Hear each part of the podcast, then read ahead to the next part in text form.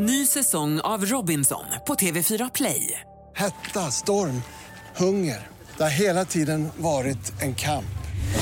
Nu är det blod och tårar. Fan händer just nu. Det. är Detta är inte okej. Robinson 2024, nu fucking kör vi! Streama söndag på TV4 Play.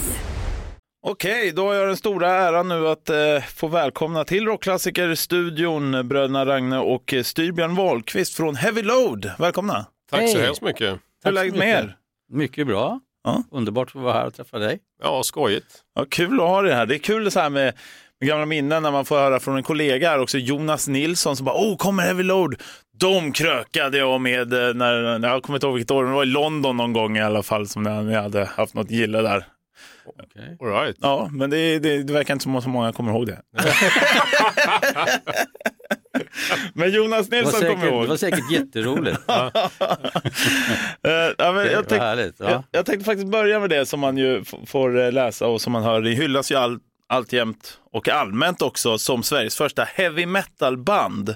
Hur ställer ni er själva eh, till det epitetet så att säga? Ja, det är ju andra som får bedöma den saken, men det är klart att vi inte bara var vi som lirade, det var ju massa band som spelade, men jag vet inte om det är så att vet, genom att vi gjorde en platta och den kom ut så kanske det markerar någonting, det är väl möjligt. Mm. Det kan vara så. Men det är klart att det fanns massa andra band som spelade. Dock inga vi känner till. Nej, nej det är en annan sak. Men det, är- det är det jag menar. Det, ja. Det, det är ju coolt. Allting, allting hänger ju alltid samman. Va? Så Ja. ingenting går ju för sin egen väg. så. Men det, det är möjligt att vi kanske var först kan man väl säga. Då. Jag vet. inte. Hur kom det sig liksom från början där i mitten av 70-talet att ni bestämde er för att bilda band? Styven och jag spelade ju spelade när vi var små. Va? Mm. Styven spelade på grytlockan och jag spelade på kvastskaftet i köket.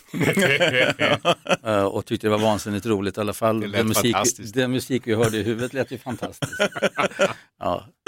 Så det var, har varit givet att vi skulle lira ihop. Det har nog inte varit något medvetet beslut. Så. Det kan jag inte säga. Va? Jag tänkte mer när ni bestämde nu kör vi, nu kör vi ett band här, nu döper vi det till Heavy Load. Alltså när kom själva den punkten att nu, nu byter vi ut grytlocken mot riktiga instrument? Liksom. Ja. Ja, alltså vi, vi höll ju på att spela det hela tiden, får man väl säga. Jag började spela trummor när, när, när jag var åtta, åtta bast. Så, att, så att det, det är, sen, sen hörde vi, vi, vi Machine Head 1971 och det blev, det, det blev en turning point. Ja, vi växte ju upp i ett, ett hem med mycket musik. Va? Pappa, vår far var ju, sjöng och spelade piano. Han till och med ville bli operasångare och sökte in på operaskolan en gång och kom in också som eh, solist. Då, men han valde en annan bana sen. Han Mm. valde att inte göra det ändå. Okej, ja. Märkligt, men så var det. Eh, Men han behöll ju det där intresset. Så varje, varje kväll i stort sett spelade han flygel och han är en flygel hemma då. Och sjöng eh, ja, op- operaarior och allt möjligt sånt där. Va? Så vi växte upp i den miljön. Sen började jag lira gitarr, eller piano faktiskt, när jag var väl sex eller sju år bara. Och sen började Styrmen spela gitarr före trummor. Aha. Men sen lånade jag hans gitarr och upptäckte att det här var ju min grej. Fan. och då hade han börjat med trummorna så att det var ju trummor för honom och gitarr för mig. Så, så var det Ja. faktiskt. Och sen Machine var ju en stor grej. Jag kommer ihåg när vi gick in på en skivaffär. Vi skulle ha en fest i Norge och så några vänner och det här var ju länge sedan, var 71 då. Men hade ju en skivspelare men ingen hår, hårdrock. Liksom. Vi visste inte knappt vad hårdrock var sådär. Va? Det var någonting. Men gick vi in i en skivaffär och så skulle vi köpa någonting och så, så småningom hamnade det var ju hörlurar på den tiden så man kunde provlyssna plattorna Ja, innan man köpte. Mm. Och så fick jag på mig den här lurarna och började spela den där låten och jag, jag, alltså jag började bara som garva, eufori alltså när Highway Star drog igång. Var Ja. fruktansvärt häftigt. Så det var som du säger, det var en vändpunkt. Ja. Coolt. Ja. Eh, och för 40 år sedan nu har det ju blivit så släppte ni plattan Stronger than Evil. Eh, starkaste minnet från just den plattan? Phil Lynott är ju häftigt. Ja, absolut. Det var, Det är låten Fri. Ja. Det var en lite oväntad upplevelse och väldigt Jag tänkte fråga lite hur det, hur, hur, hur det gick till. Hur fick ni den kontakten så att säga? Ja, vi hade gemensamma bekanta och Phil, Phil, Phil Lynott var här i Sverige och eh, turnerade med, med sitt soloprojekt. Den hade Brian Downey på trummor och eh, John Sykes på gitarr. Den här Magnum keyboardisten, den Steinway va? Han heter väl Steinway? Mm. Ja. Ja. Mm. Så att, eh, och eh, ja, och sen så kom man ner en kväll i studion och, och hörde tillsammans med andra människor för att kolla vad, vad vi gjorde och liksom hö, höra, höra, höra sådär. Alltså han kom till er studio så att Han, säga? han Ja, kom till på vår studio. Kom och hälsa på. Ja. Ja. Det var inte vår studio, det var den studio vi spelade in i. Okej, ja. Decibelstudion. Ja. Så ja. ja. Vi hörde en del i låtar och snackade och så, här. sen så frågade, jag vet inte om det var jag eller vem det var, kanske var jag. Man, för vi hade ingen bas på låten Free. Vår basist var i Norge då med sin familj. Va? Ja, Var det ja, så? han, han hörde låten Fri och så sa han det, finns, det är en bra låt sa han men det finns ingen bas sa han. Nej just det, så kanske det var. Ja, just det, ja. More bass, more Ja, bass. ja, just det. Då frågade vi väl, kanske var jag som frågade om han ville spela basen. Då. Då sa jag, kan jag kommer tillbaka imorgon då tyckte han. Så gjorde vi det nästa kväll. Ah, fan vad coolt. Så hade vi naturligtvis lite fest och spelade flipperspel. Och Ja, han, snacka, snacka mycket. Det är väldigt trevligt. Jättehärlig kille alltså. Ja, ver, verkligen en varm människa. Verkligen. Sen var jag i London eh, halvår. Vi skojade om att han skulle börja spela med oss. Liksom. Han bara garvade och sådär. Gick därifrån med vår sidenjacka på ryggen och tyckte att det var väl ganska kul kanske, jag hoppas det. Så var jag i alla fall i London och då sökte jag upp, ringde jag honom och då var han och repa. Jag var bara där i två dagar. Va? Då var han och repa, det var väl hans hustru eller flickvän eller vad det var som Ja. svarade i alla fall. Så då kunde vi inte träffas. Alltså, vi snackade om att vi skulle göra det. Sen eh, dog han strax därefter. Så det, var, ja, det var lite trist, mycket trist. Det gick vi miste om en sann konstnär får man säga. verkligen, jag är med på det här varje år. eh, Där, eh, Kings Call som hyllar honom varje år vid födelsedagen där i början av varje år. Januari så brukar de ha en grej i Stockholm. Nu har det blivit någon kryssning tror jag, men det, men det, det är väldigt fint. Och så kommer det en massa då, musiker och gör tribute till just fyllenet som Mm. blir väldigt kul faktiskt. Och så får man ju komma ihåg, det var ju inte så här att du bara kunde ringa via en mobiltelefon här till uh, Phil, liksom bara tja, du Nej, det är i inte London, riktigt så. utan det är Nej. lite klödigare på den Ja, tiden. det, Ja. där, det var ju på hotellet man fick ringa från telefon. Ja. Ja. ja, häftigt. Sen hade ni ju en ganska koll, ska, ska vi kalla det för en semester från Heavy Load då? från just Heavy Load-epitetet i alla fall. En lång semester nu tills ni nu släppt ny platta igen. Det är bara 40 år, det är bara kaffe. Ja, Vi tog en kort paus där. Jag tänkte liten, liten kort paus. Ja. Vi skrev ju låtar under tiden. Det ja, det gjorde ni. Men, men 2008 så var det ju comebacken på Sweden Rock-festivalen och det kommer jag ihåg främst för att jag var där och jobbade och alla pratade före giget om just Heavy ska lira och lika mycket efter giget också dessutom. Hur kommer ni ihåg själva 2018 Sweden Rock? Ja, det var ju fantastiskt häftigt. Det var ju otroligt mycket folk. Så, så att det var... Och responsen var ju, var ju, var ju, var ju väldigt, väldigt, väldigt fin också. Så, så att det var ett... Eh, käns, känslomässigt var det en väldigt stark upplevelse. Vad hade ni liksom förväntningar innan ni, innan ni giggade? Ja, ja. Eller förhoppningar då? Nu ska vi ha kul. Hoppas vi tillsammans med publiken kan skapa den här magin som kan uppstå. Och det tyckte jag det gjorde. Ja, det var, verkligen. tyckte det var helt fantastiskt. Jag tyckte det var... Ja, tårarna var inte långt bort kan jag säga. Det var väldigt starkt för mig. Det var mycket. Var det där det planterades att fan vi gör en platta till eller var det redan på gång då så att säga? Eller hur? Ja, vi hade ju jobbat med låtar under åren. Va? Ja. Så att det var ju inte så långt bort att göra dem färdiga och lägga till några så man kunde få ihop det till en platta. Det låg var ju inte så stort steg så att säga. Ja. Så, men eh, ja, efter, den, efter de här tre konserterna vi hade den där sommaren så får man väl säga att vi, vi bestämde oss, vi måste göra en platta såklart. För det var också så att det var många andra som ville att vi skulle komma och spela nästa år på olika ställen. Och vi kände så att vi ville inte åka ut och spela igen och bara köra gamla låtar utan vi ville göra en ny platta först. Vi- Okej, klart vi ska spela gamla låtar men vi vill också göra något nytt. Va? Visa att vi är på väg framåt, inte bara leva på det gamla på något vis utan mm. visa att vi kan fortfarande tyckte vi. Låt oss, vi gör det nu. Och varför ska vi bara göra en? Låt oss göra två. Ja.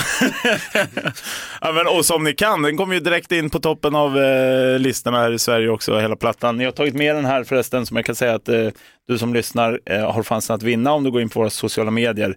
Så kommer du se hur du eh, tar dig an det. Och det är även eh, boken som vi ska prata mer om strax också. Men eh, om vi tar plattan här först, Riders of the Ancient Storm, eh, tokhyllad som sagt och eh, vi spelar in det analogt. Ja, Hur, varför? det är för att vi tycker att det blir bättre då. Ja, det är inte svårare än Och så. sen, ja, och sen tycker jag det är så här enkelt. Va? Alltså, musik, det lyssnar vi på. Mm. Visst är det härligt? Mm. Ja. Men när man jobbar i dat- datorer så är det ju så att man lockas gärna att titta istället på, på ljudfilerna. Va? Och synen är ju trots allt vårt starkaste sinne. Det är mycket starkare än hörseln om man nu har bägge sinnena i behåll så att säga. Så att det blir lätt att man börjar titta på, på, på filerna, titta på ljudet och säga men så här kan det inte se ut. Men för fan, det är ju ljud va. Mm. Så att jag tycker man genom att inte ha jobbat så så tar man avstamp för det och bara använder hörseln och känslan när man jobbar med musiken. Så det tycker jag är en grej. Sen att man spelar istället för att kopiera olika partier och alltså, du förstår vad jag menar? Man Ja, kan, ja. Det är väl en grej och sen blir det ett annat ljud. Det skiljer ju lite grann i ljudet, va? en annan karaktär. Det blir... Vi har jobbat analogt hela vägen så att säga med gamla rörmickar och ett mixerbord som är faktiskt från 70-talet. 40-kanalet är det med 32 utgångar så man kan spela in 32 kanaler samtidigt om man skulle vilja det. Va? Mm. Och vi har en 32-kanalig tvåtumsbandare, alltså tvåtumstejp. Eh, och det är ganska ovanligt men vi har, fick tag i en sån. Med nytt tonhuvud, det låter så jäkla bra. Alltså. Eh, ja, tills, och så ha hela den här analoga kedjan, det blir lite annorlunda än att jobba digitalt. Va? Ja, verkligen. det blir en annan typ av karaktär. Diskanten blir annorlunda, basen blir lite mulligare på sätt och vis. Va? Eh, Det blir besvärligare. Alltså det är mer omständigt. Ja. Om man ska göra en tonhuvuden och allt. Ja, det är massa sånt där som man ska hålla ordning på. Som man kanske slipper då. Å andra sidan kan inte hårddisken rasa. Nej, Så att det, tråkigt när det ja, händer. nej, just det, ja. att så. Men det, ja, så har vi jobbat. Eh, det verkar som att det faller i god jord för det är många recensioner som jag har läst i alla fall så framgår att man uppskattar just det, och att det är ett varmt ljud och det är djup och bredd och transparens, ett ord som jag har hört också Mm. nämnas. Så, Men, men när ni satte er där igen och bara, men nu, du sa att ni hade jobbat på några låtar, så eh, hur var det att sätta sig igen i studion? Nu har ni jobbat med andra låtar och så, men just under själva tältet Heavy Load, bara, nu ska vi göra en Heavy Load-platta. Mm. Hur, hur var det att komma in, kom ni in i det ganska direkt eller tog det lite tid? Alltså, förstår ni vad jag menar? För att hitta ert sound så att säga. Ja, så här är det ju. Eh, Heavy Load sprack aldrig. Vi, vi slutade aldrig. Därför att Ragne och jag startade ju bandet. Mm.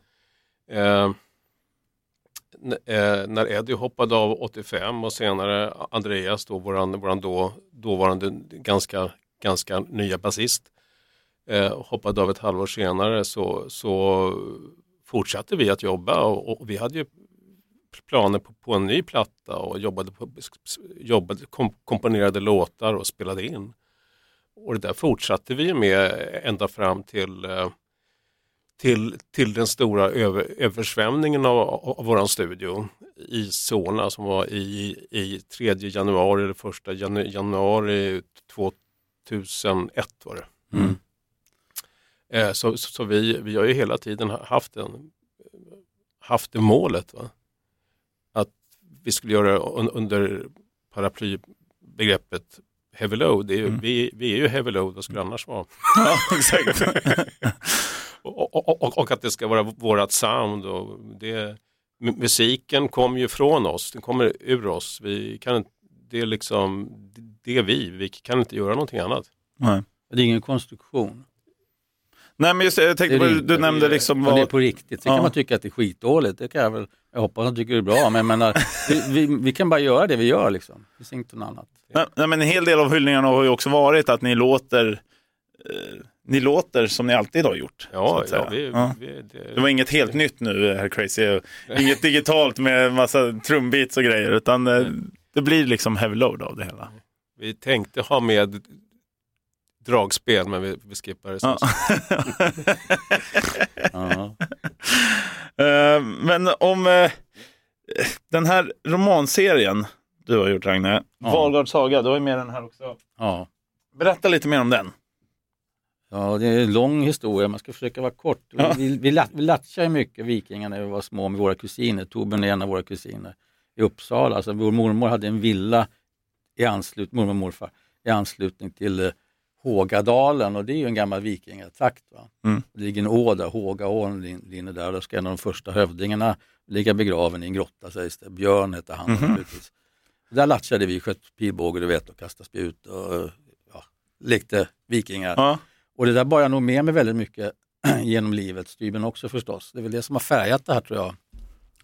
Eh, utan att vi har gjort ett medvetet val utan det har bara funnits med i våra gener nästan kanske. Sen eh, 2017 var det va? Då var vi nedbjudna på Keep It True. För Oliver Weinsheimer som håller där, han ville att vi skulle komma ner så han bjöd ner oss för att han skulle övertala om oss att, oss att vi skulle spela då nästa år. Va? Visa hur bra det var och sådär. Det var i signing session och sådär. Och då kom det fram en tjej, hon var från Irland visade sig sen, och sa att hon hade, våra texter och vår musik hade betytt så mycket för henne. Och det var väl roligt tyckte jag. Ja, allt som är bra i hela mitt liv kommer från det här. Det kan, ju liksom, kan inte vara sant. Ja, men det låter ju underbart, men tack snälla liksom.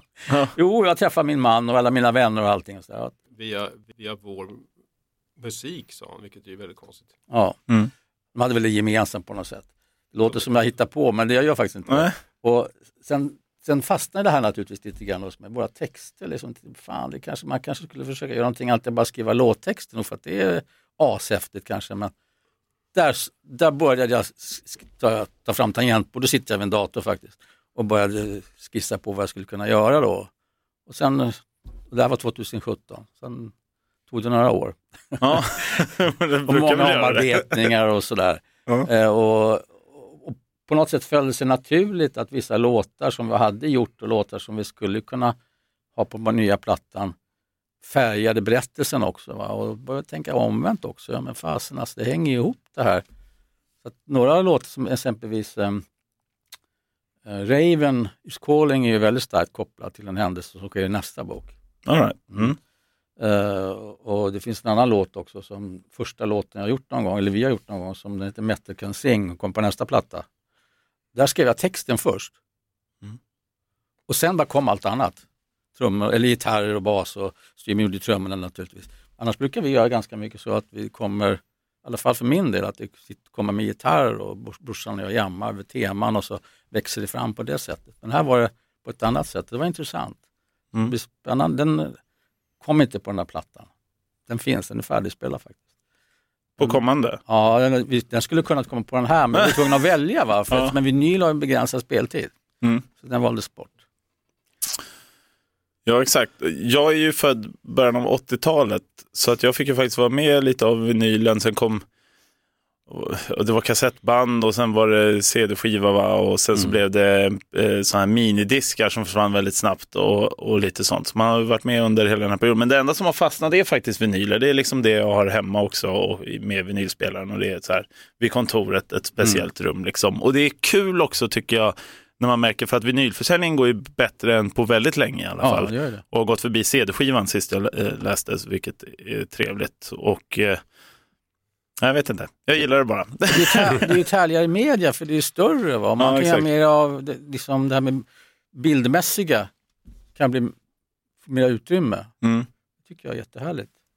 Ja, jag håller med. Eller inte bara jag, det tycker både Steven och jag. Han är ju väldigt mycket, Steven är väldigt mycket för bild och så också. Så att, Vad tycker ni om det här med AI då? Om vi ska gå in på det. Jag har pratat med många nu på senaste tiden, musiker, just att eh, ja, det, det är liksom ett hett ämne om man säger Mm. så i alla fall. För eh, jag, jag känner mig lite halvrädd för det får jag ju erkänna. Men, men vad, hur känner ni som musiker? om, om vi människor kan använda AI som ett verktyg för att skapa eller ut, utveckla eller vad det nu kan vara för någonting. Så då är det ju ett verktyg för oss. Ja. Men om vi använder så att det så att säga, man trycker på en knapp, man, vi kan göra det enklare. Frågan är vad AI är för någonting. Ja. Det måste man väl säga att det är någon sorts automatisering av någonting som människor programmerat. Att om vi bestämmer att vi ska ta ett A-mollsackord här, så lägger jag in det i datorn. Så finns det program där man kan få olika melodier ut, som utgår ifrån den där. Så man trycker bara på en knapp och så blir massa melodier. Då har ju inte jag skapat musik. Det är inte musik utan det är maskin som gör någonting. Va? Tycker jag snarlikt med att en katt som går över pianotangenterna. Det tycker jag, ja, men jag tycker inte heller det är musik. Det är ett musikinstrument som låter, absolut. Men det är inte musik. Möjligen skulle jag kunna göra det till musik om jag kan spela in katten som går där och infoga det i mitt låt som jag skriver. Så att jag medvetet gör ett val att nu ska kattens melodi som den skapade här utan att vilja göra det, utan den bara går ju där. Va? Så använder jag med det i min låt så att jag förstår det som en komponent. Då kan man väl säga att det blir en del av ett musikstycke. Ja. Men när katten går tycker inte jag det är musik. Och när AI skapar musik genom att jag bara skickar något sorts kommando, det tycker inte jag heller är musik. Och jag tror att det som krävs för att det ska vara musik, det är ju att jag som skapar ska känna att jag är berörd på riktigt av det jag gör. Och i bästa fall så finns det någon där ute som lyssnar på det här och också blir berörd av det som vi, jag har gjort. Va? Den personen tolkar ju då naturligtvis det här och upplever det på ett annat sätt än det jag gör. Men det, någonstans möts ju vi genom det här mediet då som är musik och text. Mm. Och frågan är om maskinerna kan göra det. Den kan ju inte ha, bli berörd liksom. Det, det kan vi konstatera. Mm. Jag tror det i alla fall, i alla fall inte än. Eh, och, och, och därför är frågan är om, kan man ju prata om med ordet mening då. Jag menar ju någonting på riktigt när jag skapar och när jag spelar. Och den meningen då för- förflyttas ju till den här lyssnaren som sen skapar sin mening utifrån det den, det den får ta del av. Liksom. Ja. ja, en känsla av Ja. mening. Liksom. Och då är frågan om den här meningen kan ju finnas hos lyssnare som lyssnar på någonting som en AI har gjort. Mm. Men avsändarens mening, vad är den då? Mm. Jag är ytterst tveksam till det där att det ska vara AI-genererat. Sen att använda AI för någonting, kanske för att lära sig spela skalor eller harmonilära eller. Kontrapunkt eller vad det nu är för någonting som jag vill studera. Men återigen att möta människor när man studerar. Jag har pluggat det där som jag just nämnde. Både Mm. kontrapunkt, och harmonilära och komposition och sånt. Ehm, och när man gör det tillsammans med människor så uppstår det någonting. Det Mm. händer ju någonting i mötet Ja, som påverkar mig och Mm. vad jag gör med det som jag lär mig så att säga. Mm. Så att det är bättre att undervisas eller utvecklas tillsammans med människor än med en maskin ska jag säga. Ja. Kloka ord. Ja, jag, ville, Jag jag, ville plocka er gärna Det är lite på lite det där. funderingar jag har haft i alla fall. Eller? Vill du lägga till något? Ja, alltså konst och mu- mu- musik och konst i, i, eh, rent generellt är ju en kommunikation mellan människor och det är också så att när, när, när konstnären skapar så, så en kompositör då, då kommunicerar hans, han med, med sig själv. Alltså han blir ju själv ber- berörd då, som, som Rainer sa. Mm. Eh, och sen så, så att musiken, han kommunicerar med sig själv sina känslor när han skapar. Sen kommunicerar det han har skapat kommunicerar han via, via musiken med, med folk som lyssnar.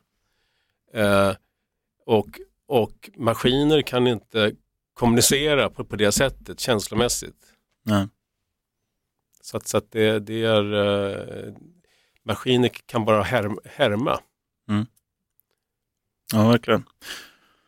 Men eh, vi, vi kör ju klassisk rock här på denna eh, radiokanalen från 70, 80 och 90-talen. Vad tycker ni krävs i en, en rocklåt, säger vi, för att den ska bli klassisk?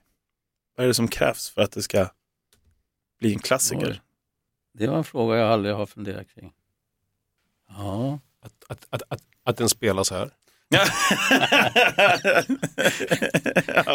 fruktansvärt bra svar. Ja. Nej, men, men, men om ni får fundera lite på det då. Alltså, vad, vad tror ni det är för några ingredienser som, som krävs för just de här? Om ni tänker tillbaka på de klassiker som finns till exempel. Vad har de? Varför blev det en klassiker? Och inte någon annan låt? Det, är ju, det är ju trots allt upp till lyssnaren att avgöra. Va? Mm. Så att det är där det måste ligga. Att de blir, man blir berörd av det. Och det behöver ju inte alls vara så att det är någonting som man tycker att det är helt nytt. Men det gör ju ingenting om det är det. Ja, jag vet inte vad jag ska svara. Det är en jättesvår fråga. Jag har aldrig tänkt på det. Mm. Faktiskt. Frågan är om det finns något svar. Annat än att det ska spelas på rockklassiker, det är ju givet. Mm. Eh, Framöver här då, ni var redan inne på eh, kommande platta och så. Hur ser planen ut här framöver? Ja, nästa år blir det ju, alltså 2024 ska vi göra en del spelningar. Det är inte klart Ja. riktigt Mm. än. Attans, jag hade Hur- hoppats på att få några ja. spellåtar. Ja, en, en, är ju, en är ju klar, det är Keep It True den 26 april. Mm. Där vi ska, ja, kalla sig för headline då. Ehm, det blir jättekul, det blir första konserten. Vi har lovat i alla fall att det, vi ska inte spela någonstans i närheten. Nej. Alltså Tyskland, Italien, Grekland eller så. Mm. Utan Tyskland, det där blir första där nere. Sen har vi fått massa förfrågningar från väldigt många länder. Sverige och Sydamerika och Europa, länder nere i Europa. Så att, eh, det blir nog en hel del. Mm. Men det är inte klart än. Vi behöver ha, eh, organisera upp och planera hur, vi ska, hur det ska gå till och var vi kan spela och när och sådär. Så att det- ja. Vi får se. He- hel Sen vill vi ju göra nya plattan också va? och tiden är ju begränsad som vi alla vet. Ja. Vi får se vad som hur vi... Har ni någon tidsplan där eller? ja, Nu ska vi ju, efter jul har vi ju sagt att nu ska vi börja repa inför så att vi kan gå ut på scen den 26 april och ifrån oss. Det är liksom nästa grej. Ja. Eh, Jag ju jag, jag, att satt igår kväll, jag satt igår kväll och, och latchade med gitarren. Och då hände ju någonting igen, som det alltid gör. Det är jättekonstigt för mig, för numera när jag tar gitarren så bara, det bara väller fram prylar. Ja. Allt är ju inte bra naturligtvis, men ibland är det bra grejer. Och det, det, så har det inte varit riktigt förut. Det har jag fått eh, jobba lite med. Så att det, det finns, kommer ju material absolut hela tiden. Ja. Så är det. Jag upplever att det är likadant för styr, men att det, det är väl kanske för att vi håller sen år 2000, översvämningen, eller 2001 kan man väl säga, nyårs där, så har vi inte varit så aktiva Nej. fram till vad ska jag säga, 2016 kanske. Ja, det får man väl Fram säga. till, två, fram till 2000 var det jättemycket men sen och då har man väl då byggts upp så här. Mm. Det är också så här att eh, musiken är ju, efter översvämning så, där, så, så blev det väldigt, tog det väldigt lång tid innan, innan vi fick skade, skadestånd och sånt där. Va? Eh, och och eh, vi, hade ju då, jag, jag har fortfarande en väldig massa, jag samlar ju på gamla trumset, jag är ju vintage-samlare. Va? Så jag har ju jättemycket trummor i, i lägenheten, både från 50, 60 och 70-tal. Eh, och och eh, vi, vi, vi hade ju ingenstans att spela liksom. Så att, så att det blev det att man pejlade in sig på, på någonting annat på liksom oviss tid och sådär. Men musiken är en, är en väldigt stark drog för oss. Vi, vi, det, det är, den är ganska farlig därför att allting, om vi börjar spela så blir allting annat blir ganska banalt. Va? Så man, man vill inte syssla med, med, med någonting annat. Nej. Så därför så har vi varit en- under lång tid då vi eh, gjorde allt vi kunde för att inte spela. Mm. Genom att eh, livet kändes så, så tomt när man inte spelar då. Eh, men, men sen från, från och med två- 2016 där och, och eh, så kände vi det att vi, vi måste tillbaka igen. Dock var det så att under hela den här perioden då vi inte spelade så hade vi ju inte, så hade vi ändå tankar på att vi kommer tillbaka. Mm. Så att, så att eh, vi, har, vi har ett väldigt uppdämt behov från den, från, från, från den tiden då vi inte spelade. Så att det finns massor som, som står på, på kö. Liksom. Mm. Massor med, med låtar och saker på, på kö. Så kan man säga. Ja, så är det nog. Ja, just nu när du benämner det som liksom, eh, eh, en farlig drog, liksom, det, det är ändå ett intressant ämne med tanke på att det är ju många eh, musiker som lider av alltså, att de mår dåligt psykiskt när de inte är ute på turné så att säga. Utan när de kommer hem så blir det lite, åh, vad, vad, vad. Man blir lite frågande, vad händer här? Det är inte samma high, liksom, man får inte den adrenalinkicken. Eh, och därför väljer många flaska droger och sånt. Och det, det, det har man ju sett på ja, under alla års tid egentligen. Folk som har gått bort alldeles för tidigt. Ja. Jag tror det har mycket, lite med det som du är inne på också. Att eh, det blir sådana kontrast. Liksom. Ja, när man spelar så har ju den dagen man ska ha en konsert så har ju dagen ett starkt mål, även dagarna innan. Mm. Ett stort mening, ett syfte, dit ska vi. Ja. Sen när det inte finns det där längre, man är hemma så att säga och nästa gång man ska spela med ett halvår eller tre månader eller vad det kan vara. Ja. Då blir det en, en... Jag kan tänka mig att det är samma för idrottsmän. Ja. Som tränar inför OS eller någon stor tävling och sen så en enorm urladdning och sen efteråt och så, va? Mm. Vad händer nu? Ja, men verkligen. Mm. Men där har ju vi musiken och vi har ju varandra, varandra Styrmen och jag och sen har vi familj och så också. Så att jag tror inte det är någon risk för oss. Jag har inte upplevt det så riktigt. Men det är klart när vi spelade som mest där 84-85 då kändes det lite grann så när man kom hem att det, det var tomt.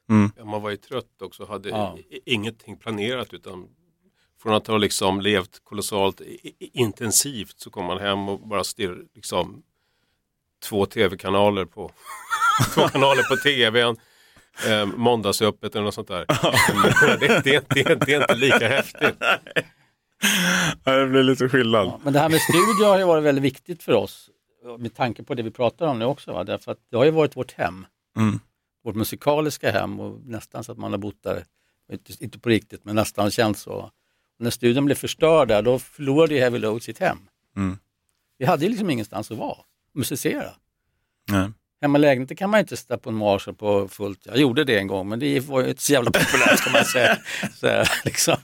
Utan det var trummor och sådär, det, det går ju inte. Va? Så att, eh, man bor i villa, men vi gjorde inte det. Vi hade bott i lägenhet hela, hela vårt liv. Sen faktiskt under den här perioden när vi inte spelade då, då träffade jag en kvinna som jag är fortfarande ihop med och vi köpte ett hus. Och nu bor jag i villa, alltid velat göra det. Ja. Och där har vi ett hus på tomten där vi har byggt vårt nya studio.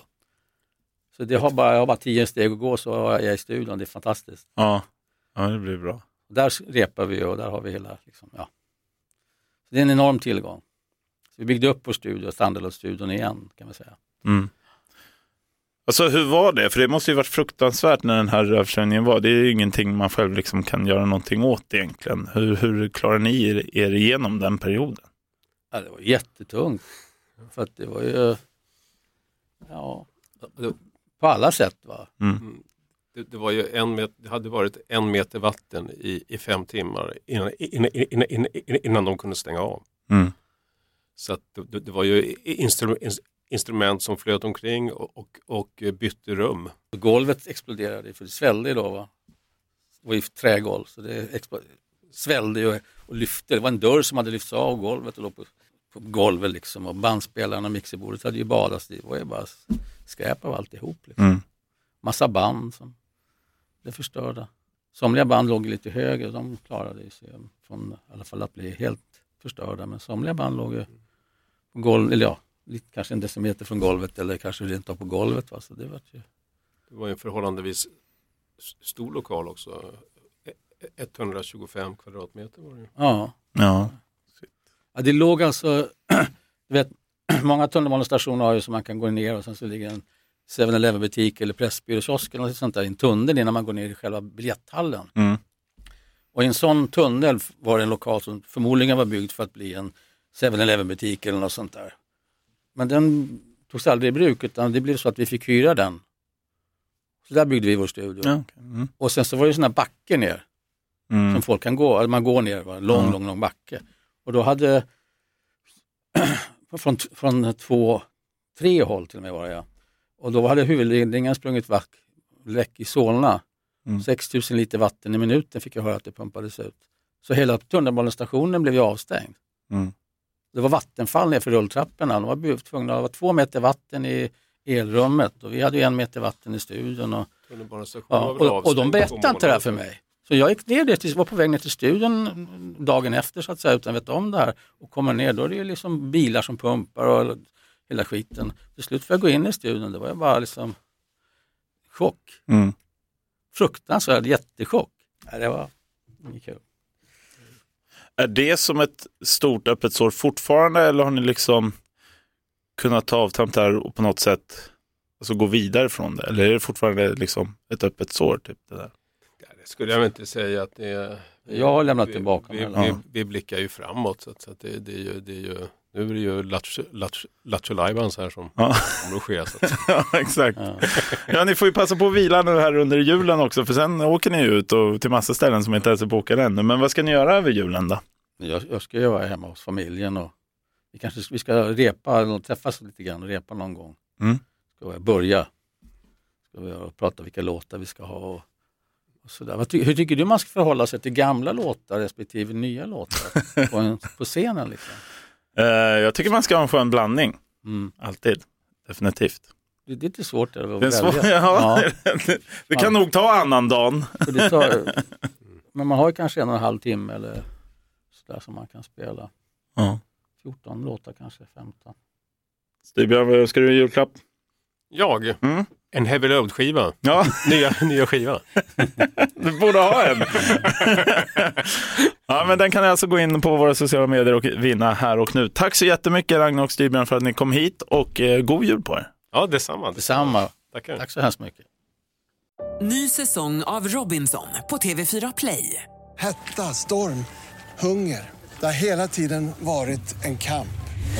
Nu är det blod och tårar. liksom. Fan händer just det. Det är detta inte okej. Robinson 2024, nu fucking kör vi!